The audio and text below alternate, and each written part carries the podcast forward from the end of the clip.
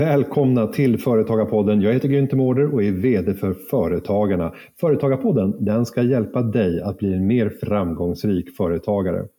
Vilka metoder finns det för att skapa ett ledarskap som fokuserar på styrkor och bidrar till framgångar? Och hur kan vi göra mer av det som för oss i rätt riktning? Det här och mycket mer ska vi tala om i veckans avsnitt av Företagarpodden. Vi säger varmt välkommen till beteendevetaren, föreläsaren och författaren Gunnel Ryner som bland annat skrivit den bästsäljande boken Släng problemglasögonen, starta en positiv revolution och Den lata vägen till ett fantastiskt liv och arbetsliv. Det här låter lockande. Välkommen Gunnel! Tack så mycket! Eh, ja, vill... det där med lathet så här på sommaren skulle väl inte vara så dumt? Nej, nej, nej, jag vill bara att du ska ge oss alla tips som bara finns ur det här. Men jag tänker att vi backar bandet lite grann och börjar i dig som person och det intresse som ledde fram till att du började studera beteenden, mänskliga beteenden och ledarskap. Vad var det som ledde in dig i det? Ja, alltså så här var det. När jag var ung så var jag intresserad av precis allting. Så när jag, alltså jag läste natur på gymnasiet, jag läste in ekonomisk och sen när jag skulle söka till universitetet så hade jag sådär en miljon alternativ, allt ifrån teknisk fysik och elektronik till humanbiologi, till språklärare, till ekonom. Alltså jag hade, och sen så sökte jag även P-linjen som var personal och arbetslivsfrågor då. Och kom in på den och tänkte, nej men det där låter ju kul. Och så hamnade jag där och det var ju helt rätt. Men innan dess hade jag nog inte förstått hur rätt det var. I efterhand kan jag nog se att jag skulle nog ha hamnat där jag är idag oavsett vad jag hade pluggat faktiskt. Så att jag, jag när jag väl hade börjat där så, så bestämde jag mig också för att jag skulle läsa pedagogikinriktningen som ju är då inriktning på ledarskap och organisationsutveckling. Och det var superkul. Så att eh, på den vägen var det. Och idag så är en av dina huvudsakliga uppgifter att vara ute och föreläsa och upplysa företagare och medarbetare eh, i olika områden. Vad är de vanligaste delarna där du försöker skänka kunskaper till både företagare och medarbetare? Alltså de förfrågningar jag har, eh, anledningen till att man eh, kallar in mig eller ringer mig, det är ofta att man vill ha mer teamkänsla, arbetsglädje, bättre ledarskap, man vill utveckla sin kultur, sin sociala arbetsmiljö, sin kommunikation, samarbete, ja men den typen av frågor. Och, och då föreläser jag nästan alltid om hur man gör det på ett styrkebaserat sätt. Jag pratar också om kommunikation och konflikthantering och svåra samtal. Alltså jag har lite olika ämnen, men, men det mesta jag gör handlar om att jobba styrkebaserat. Och om vi börjar där då, styrkebaserat. Det är inte självklart att vi gör samma tolkning av det. Är det att vi ska styra med kraft och mod? eller handlar styrkebaserat om någonting annat? Den tolkningen har jag faktiskt aldrig stött på, men den var ju Det styrka. Ja. ja. precis. Eh, nej, alltså, och det finns ju olika användningsområden. Det finns olika människor som använder det här begreppet styrkebaserat på olika sätt.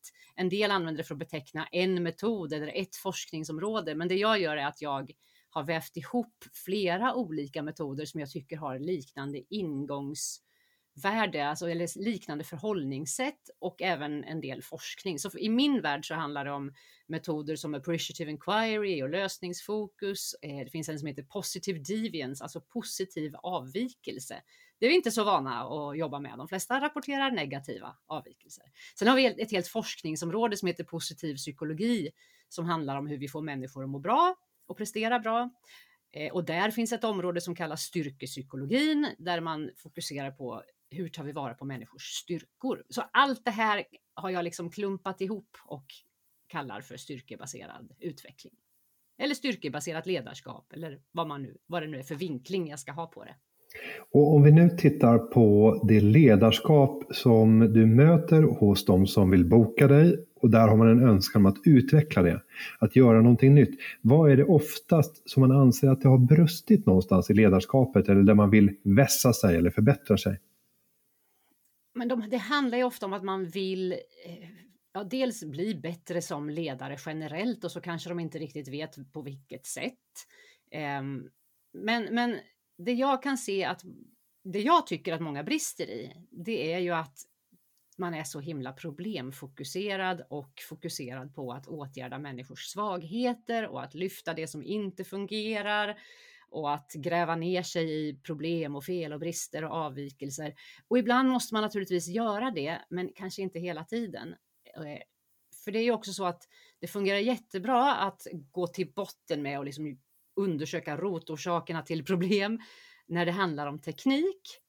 Men när vi då försöker föra över det arbetssättet på människor så blir det inte så lyckat. När vi börjar leta fel hos varann så blir det inte så bra, utan då är det ju faktiskt bättre att hitta rätt av många olika anledningar. Till exempel att vi människor har känslor och jag vet ingen människa som blir så här Woo! yes, nu kör vi, så här sprudlande, inspirerad och peppad av att känna sig utpekad som ett problem eller känna sig misslyckad eller bristfällig på något sätt eller kritiserad. Då blir man ganska, alltså då tappar man ju gnistan istället. Så ja, vi behöver liksom få människor att känna sig glada och stolta. Och om jag tänker utifrån någon form av generalisering av oss svenskar så mm. uppfattar jag oss som lite konflikträdda och eh, vi är problemfokuserade. Vi säger inte rakt ut vad vi tycker problemet är utan vi lindar gärna in det och inte prata om en direkt person som är ansvarig utan gärna kanske använder ordet vi fast vi egentligen har pekat ut vem det är som har ett problem. Är det här en bild som du delar och om du gör det, vad skapar den svenska, eh, ja, om vi ska säga den generella bilden för problem när det kommer till ledarskapet? Alltså det här med konflikträdslan, eller att vi, vi lindar in, det skapar ju, om det var det du menade, mm. Ja, nej men det skapar väl massor av problem och, och, och, det där är ju en annan del som jag är ute och utbildar ganska mycket i och föreläser om hur vi kan bli bättre på att ta upp sånt som skaver direkt innan det hinner bloss, blossa upp till en fullskalig konflikt. Att våga prata med varann liksom, och våga lyfta även sånt som kanske inte är toppen. Och det behöver inte vara så dramatiskt och man kan göra även det på ett välvilligt och, och konstruktivt sätt så, så att båda lär sig någonting istället för att man går in och dömer någon och säger du är en hopplös person. Så, så kan man ju gå in med nyfikenhet istället och tänka hmm, undrar varför den här personen gör så där. Vad kan jag lära mig här? Och, och finns det några magiska sätt att eh, undvika att man får negativa atmosfärer som man lätt kan känna ibland i, i, olika arbetssammanhang. Vad har du för tips för att eh, istället vända det till glädje och den där woho som vi vill känna? Som vi vill känna. Jo, men det är ju så här, vi människor har ett starkt grundläggande behov, alltså det är en grundläggande mänsklig drivkraft att få känna att vi bidrar, att vi gör ett bra jobb, att vi eh, presterar. Vi vill kunna känna en stolthet när vi går hem från jobbet och ja, men känna att vi har gjort någonting bra. Och det, vi vill också gärna få lite bekräftelse från andra, ett kvitto då på att vi, att vi bidrar med någonting bra. Och om det då bara pratas om problem hela tiden, det behöver inte vara att man själv känner sig utpekad heller, det kan ju vara det, men det kan ju också vara att det, det pratas bara om allt som inte fungerar och man liksom känner det är ingen idé eller det är bara att ge upp eller, eller så kanske man börjar gå i försvar eller sådär om man känner sig kritiserad. Det blir ju inget bra, utan vi behöver ju istället ta vara på det som funkar, få människor att känna att men vi gör massor av bra saker, för då skapar man en grogrund för att kunna göra ännu mer av det. Och särskilt om man då undersöker hur bär vi oss åt när det går bra? Och, och när det här problemet som vi vill lösa inte förekommer, vad, vad, eller kanske inte lika allvarligt, hur bär vi oss åt då? Så kan man hitta små frön till saker att bygga vidare på. Och i din bok Släng problemglasögonen, starta en positiv revolution så misstänker jag att innan du skrev den så hade du börjat identifiera en mängd praktiska saker som du började förmedla i dina föreläsningar och insåg till slut att ja, men det här är tillräckligt stort content för att till och med göra en, en bok av det. Eh, stämmer min min analys. Ja, det stämmer absolut. Och det är dessutom en ännu större bok på väg som jag har hållit på och jobbat med i flera år här nu på samma tema. Det blir utveckling. En, en bibel i, i sammanhanget. Ja, jag brukar faktiskt säga att det är min nya bibel som är på gång. Mm. I all ödmjukhet. Ja, Man får alltid säga det att man nämner bibeln om sitt eget bokprojekt. Men, äh. Men starta en positiv revolution. Om du ska försöka dela med dig av några frestelser eller nycklar för att skapa den här positiva revolutionen. Vad skulle du säga är de främsta nycklarna som man måste ta tag i för att kunna mm. klara av och slänga de här problemglasögonen? Nummer ett är att vi ska absolut inte sopa problem under mattan eller låtsas att vi inte har några problem. Det här handlar inte om att vi ska gå omkring och tänka positivt och låtsas att allt är bra, för det är det ju inte. Eh, jag är inte så förtjust i det här liksom, positivitets... Det här att vi ska bara tänk positivt, liksom, så blir allting bra. Det här klämkäcka. Eh, men däremot så, så är det ju så att om vi, om vi istället för att fokusera på problemen försöker vända på dem och angripa dem från ett annat håll och fundera på okej, okay, så här vill vi inte ha det. Det här är ju absolut inte bra, men hur vill vi ha det då istället? Alltså det här ordet istället är ju ganska bra och användbart. Jag brukar kalla det för att man gör en puff, en positiv omformulering. Så att man formulerar hur och identifierar liksom det önskade läget. Hur vill vi att det ska vara? Och när man väl vet vart man ska då, istället för att då börja rota i varför är vi inte där? Vad är det som hindrar oss? Vad är det som ligger i vägen? Vad är det vi gör dåligt? Att man då tittar på, men när förekommer åtminstone delar av det här önskade läget redan idag? Eller när har det förekommit tidigare? För det är ju som så att vi har ju nästan alltid lyckats åtminstone lite grann med någonting i den här häraden tidigare. Och där har man ju massor med viktiga lärdomar och, och små frön till lösningar som man kan hämta. Så att jag brukar prata om att vi ska älta våra framgångar istället för att älta våra misslyckanden, för det finns mycket mer att lära sig av våra framgångar och det som har gått bra och de här små tillfällena när det faktiskt är lite bättre eller åtminstone mindre dåligt. Hur bär vi oss åt då? Vad är det som har bidragit till att det har blivit lite bättre? Så det är väl några grejer, det här med att puffa problemen, alltså formulera om dem till ett positivt mål, undersöka och utforska framgångar och goda exempel, positiva undantag, positiva avvikelser. När har det varit lite bättre? Och sen så gäller det naturligtvis att försöka identifiera vad är det som har bidragit till de här och hur kan vi bygga vidare på och göra mer av det? Så det är de delarna. Och sen är det, pratar jag ju också mycket om det här med att på individnivå ta vara på människors styrkor. En persons svagheter kan aldrig göra dig briljant på någonting, även om du håller på att åtgärda dem. Ibland måste vi åtgärda svagheter naturligtvis, eh, om de ligger i vägen och hindrar, men det kommer aldrig göra dig mästerlig på någonting, utan det enda som kan göra dig fenomenalt bra på något, det är dina styrkor. Men det glömmer vi liksom bort. Vi håller på att ska slipa på och göra om människor till något som de inte är, istället för att ta vara på och liksom få fram det bästa av det de faktiskt redan är. Och det är dessutom så att styrkor är förknippade med glädje och energi och liksom passion och glöd, att man älskar vissa saker. Och kan vi få medarbetare att känna så, så är det otroligt mycket vunnet. Och, och Förlåt, jag blir lite så här långrandig för jag blir så exalterad över de ja, här det sakerna. och, och, jag tänker på alla medarbetarsamtal som vi avhåller på regelbunden basis. Många gånger så är ju en av de mest centrala punkterna just utvecklingsområden. Mm. Eh, och, och, väldigt sällan skulle jag säga att utvecklingsområdena är att utveckla en redan befintlig stark talang till att bli stjärnstatus. Utan det handlar om att man tittar på just de här problemen. Så här, vad är de små problemen som kan tänkas finnas i ditt arbete och där du behöver utvecklas? Och så lägger vi mer krut på det och säger att här ska vi följa upp nu om ett halvår eller om ett år här och se om det har skett en utveckling. Du menar att vi kanske ska vända på det där? Absolut, för det där är ju... Mm.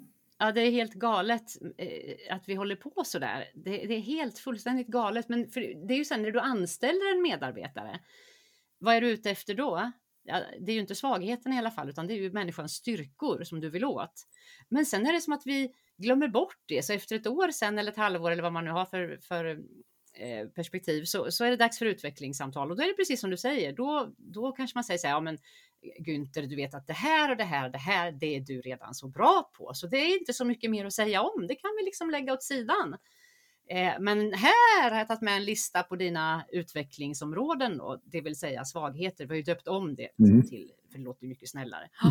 Eh, och så tänkte jag att vi ska gå igenom den här listan och då ska man ägna 58 av 60 minuter åt att försöka ändra på dig istället för att ta vara på det som man faktiskt anställde dig för ja, det är fullständigt feltänkt och det grundar sig i någonstans att vi tycker att alla människor ska vara likadana eller ska vara lika bra på allting. Och det är också helt galet för vi är ju olika och det är ju bra. Det är ju någonting bra att vi måste behöver ta vara på varje människas unika förmågor, talanger, styrkor för att de ska verkligen kunna bidra sitt bästa.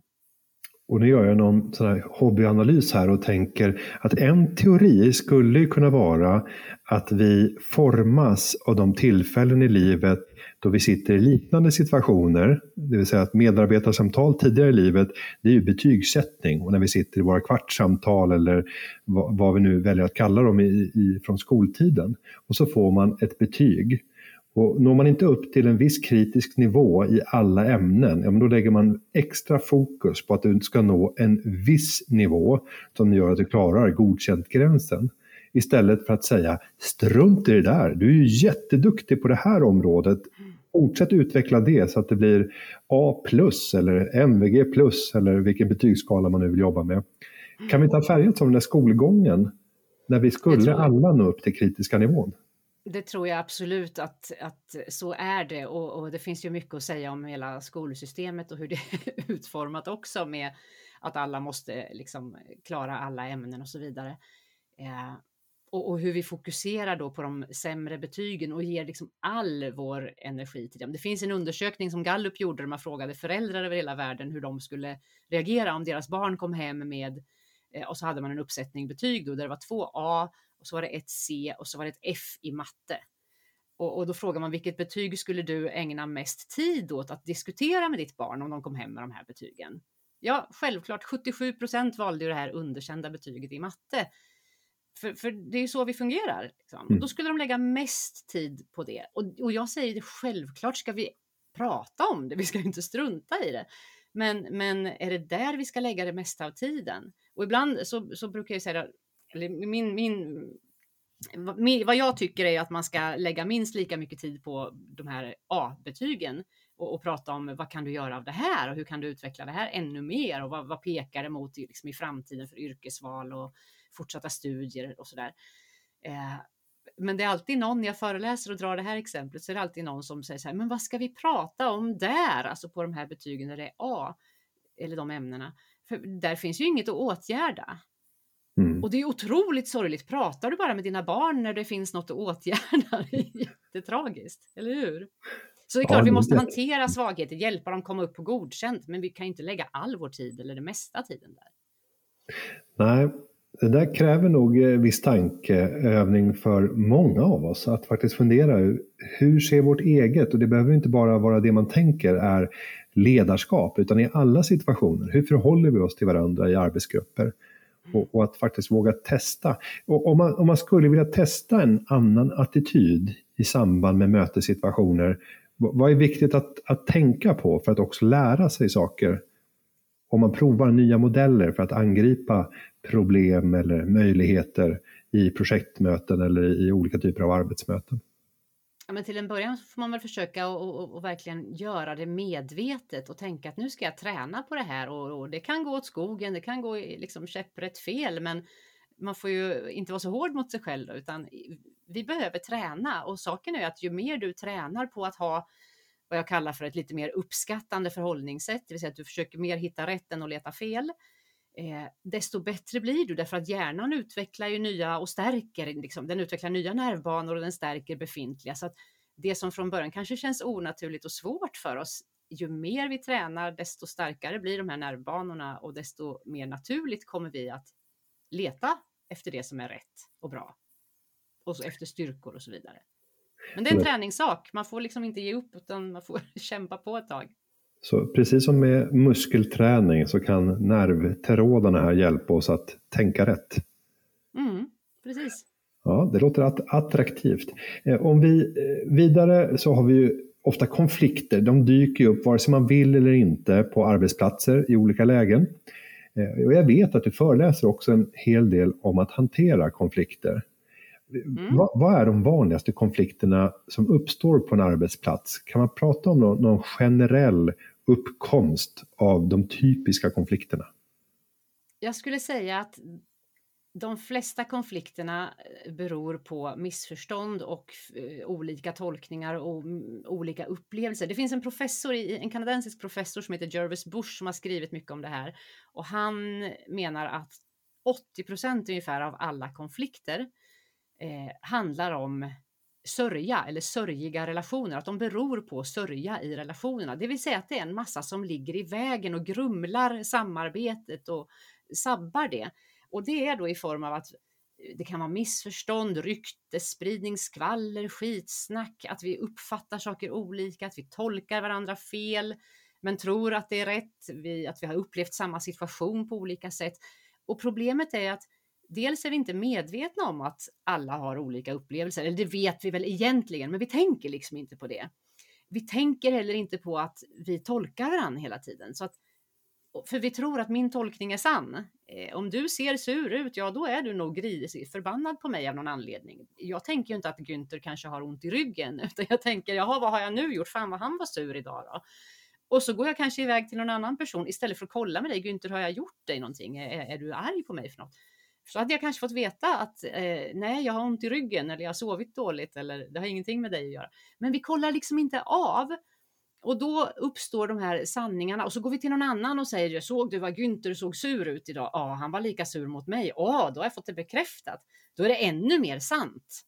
Eh, och, och, och, på så sätt så uppstår liksom en massa alternativa sanningar och påhittade historier om vad som egentligen försiggår i andra människors huvuden när det borde vara så enkelt att kolla av, stämma av, prata med varandra, byt bilder, liksom. var lite mer nyfiken och, och döm inte så mycket. Det är väl det som är den grundläggande lösningen.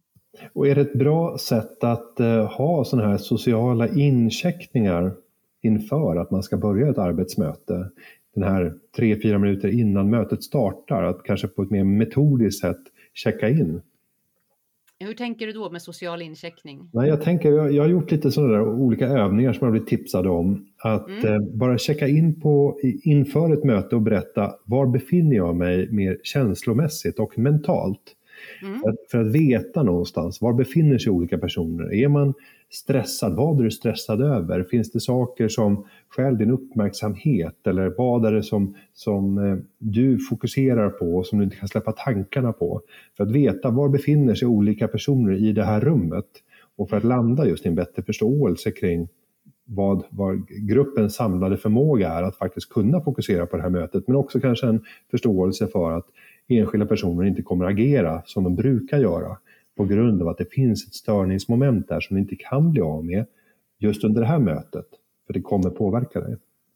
Det är jättebra tycker jag, för då får vi ju, alltså ju mer tydliga vi är i vår kommunikation, desto, alltså, ju mindre vi utelämnar till fria spekulationer och fantasier, desto mindre missförstånd och, och, och, och sörja uppstår det ju. Så att det där är väl en jättebra grej, att redan från början tala om att när jag har sovit dåligt i natt eller jag har, har ont i ryggen eller vad det nu kan vara. Eller jag har väldigt mycket att göra idag så att om jag verkar liksom lite disträ så beror det på det. Och, och, ofta så vill vi kanske inte blanda privat och professionellt. Det beror väl på arbetsplats och ibland så är det en salig blandning däremellan. Men, mm. men på vissa arbetsplatser så är det en ganska strikt gräns däremellan. Samtidigt så är min uppfattning att det privata påverkar det professionella i en otroligt stor utsträckning. Eh, finns det en glädje i det privata så kommer det smitta över på det professionella och på arbetet. Och på motsatt sätt, befinner man sig i en privat jättejobbig situation så kommer det att märkas i dina arbetsresultat och i ditt sätt att förhålla dig till andra människor på arbetsplatsen. Och om man inte pratar om det, då är det ju svårt att få en förståelse. Absolut. Och sen kan man väl i och för sig då dra någon gräns mellan att vara transparent och att vara intim. Alltså du behöver ju mm. inte fläka ut hela ditt privatlivs allra mest intima detaljer till allmän beskådan. Du får ju välja själv var du drar din gräns, liksom hur, hur mycket man vill dela med sig av. Men vi är ju hela människor och jag menar vi har ett liv utanför arbetet och det påverkar. Och vad brukar man säga? Personlig men inte privat. Mm. Det tycker jag är en, en, en fras som begagnas oftast. Ja, det gör det. Om eh, vi tittar på din andra bok här som jag refererade till i inledningen. Den lata vägen till ett fantastiskt liv och arbetsliv. Ja, snälla. Eh, vad kan du ge oss för tips? Jo, men den där, den där är faktiskt eh, eh, ett, ett ämne som, eller den tar upp ett ämne som jag, det är nog den jag får mest förfrågningar om när det gäller småföretagare eller alltså, ja, småföretagare, egen, ensamföretagare, så, som brottas med en massa olika saker. Den handlar om att vi kan inte lägga allt ansvar på våra egna axlar. Vi förlitar oss alldeles för mycket på oss själva, vår egen självdisciplin, motivation och viljestyrka. Men i den här boken så, så skriver jag då om hur viljestyrka är en begränsad resurs. Vi har inte hur mycket som helst och när kraften tar slut, när du har gjort en massa saker som har tagit kraft under en dag, så kommer du hem och så landar du i soffan fast du skulle ut och träna, för du har slut på viljestyrka helt enkelt. Behöver du vila och återhämta dig. Så att, att bara förlita sig på sig själv eh, det, det, det, då gör man liksom bara halva jobbet. Du behöver också se till att du har en miljö omkring dig, alltså en omgivning med saker, människor, platser, hjälpmedel, idéer, influenser, informationskällor, eh, Eh, förutsättningar överhuvudtaget som stöttar och lyfter och hjälper dig och liksom ger dig draghjälp och skjuts framåt. Många har ju en miljö som är som att kämpa i uppförsbacke och motvind, att det, allting är emot en konstant och det är kämpigt. Liksom. Och andra ser till att ha en miljö med andra människor och med rätt hjälpmedel och rätt eh, fysisk miljö, rätt förutsättningar, bra influenser, bra inspirationskällor, bollplank, mentorer, vad det nu må vara. Liksom, som gör det lätt att lyckas och då behöver du inte förlita dig lika mycket på din egen viljestyrka och självdisciplin, utan du kan lite grann glida med. Det blir lite mer rutschkana mot dina mål så det är vad den där boken handlar om. Hur skapar man den där rutschkanan? För när du väl har utformat och sett över liksom allt du har omkring dig kan du luta dig tillbaka och vara lite lat. Liksom. Det handlar inte om att vi ska säga upp oss och ligga i hängmattan och bara peta i naveln. Det är inte den typen av lathet, men att inte slå knut på oss själva i onödan när det finns så mycket vi kan göra. Alltså det är som om du tänker på en växt behöver en bra miljö för att kunna utvecklas och växa. Den har ju all potential i sig. Men om den hamnar i en urdålig, karg och torr miljö, ja då får, spelar det ingen roll hur, hur positivt den tänker eller att den sätter motiverande mål eller kämpar och bara jag vill, jag vill, jag vill liksom växa upp och bli en stor fin blomma eller träd. För miljön sätter gränser och det gör den faktiskt för oss också. Kanske inte riktigt lika drastiska gränser, men ändå. Den påverkar mer än vi tror. Och där är det spännande att, att fundera över vilka är de vanliga misstagen vi gör som gör att vi inte känner att vi kan gå den där lata vägen till ett fantastiskt liv och arbetsliv. Jag tycker att vi borde fokusera mer på. Ja, men det, det finns någon sån här kultur tror jag också att vi ska vara så himla duktiga.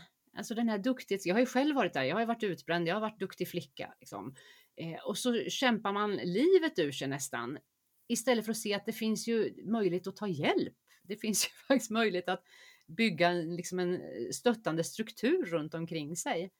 Så att ta, alltså sluta vara så förbaskat duktig och tro inte att du måste klara allt själv. Och för företagare tycker jag det är superviktigt. Bygg nätverk, se till att ha bra människor omkring dig. Det kommer göra allting så otroligt mycket lättare. Och den vanligaste medlemmen i Företagarna, det är ju soloföretagaren. Mm. Den som arbetar själv i sitt eget företag och säljer oftast sin egen kompetens och tar betalt per timme. När man pratar ledarskap eh, till en sån grupp av företagare så handlar det väldigt mycket om självledarskapet. Men, det är också ett ledarskap hur man förhåller sig till sina kunder och potentiella leverantörer som behövs för att leverera det här värdet. Hur mycket tycker du att det skiljer sig åt jämfört med en företagare som har massa anställda och en soloföretagare? Ser du några likheter och skillnader däremellan? Ja, men det är ju en ensamhet man har som soloföretagare. Jag är ju själv soloföretagare och jag, jag är ju lite introvert, även om det sällan märks så här eller när jag står på scen. Men, men jag får energi av att vara ensam och jag är också ganska så här självsvåldig och jag blivit kallad någon gång när jag läste på universitetet och skrev C-uppsats. Eh, jag gillar ju att bestämma själv, så för mig, det är kanske därför som jag är egenföretagare och det är därför som jag är skild två gånger också, för jag vill bestämma allting själv.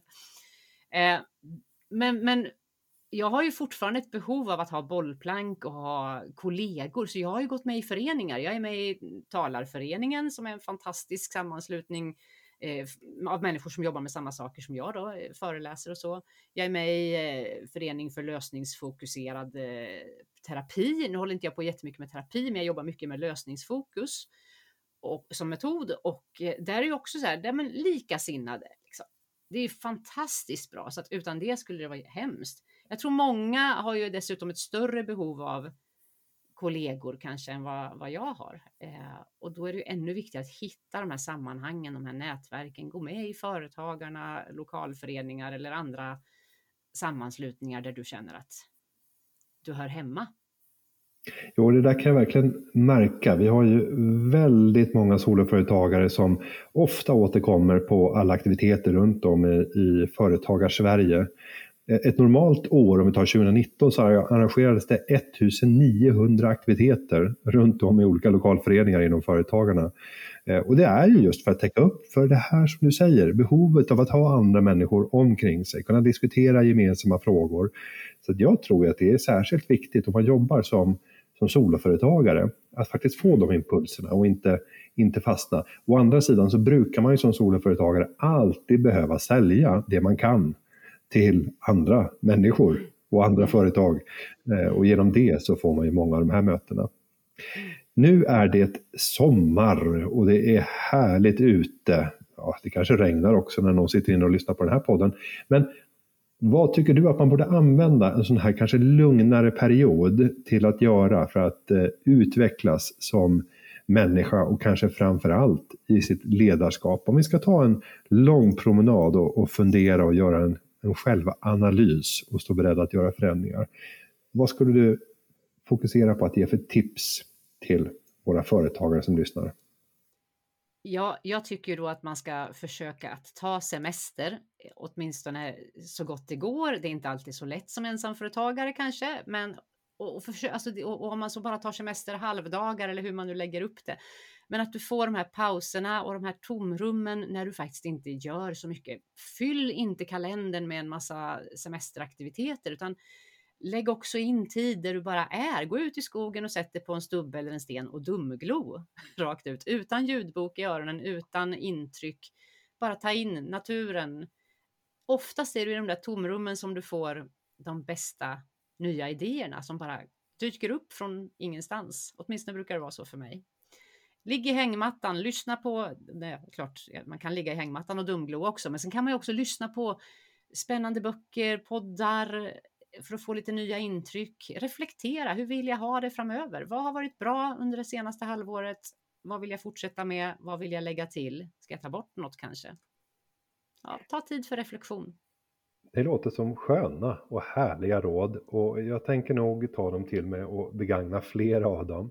Gunnel Ryner, vi vill tacka dig jättemycket för att du kom till Företagarpodden och ville vara med och dela med dig av dina tips. Ja, men tack så jättemycket för att jag fick komma. Roligt!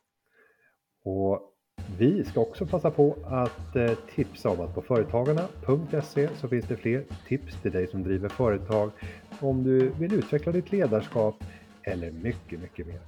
Podden den är klippt av Petra Chu och underlaget är förberett av David Hagen. Vi hörs igen nästa vecka. Tack för att ni har lyssnat!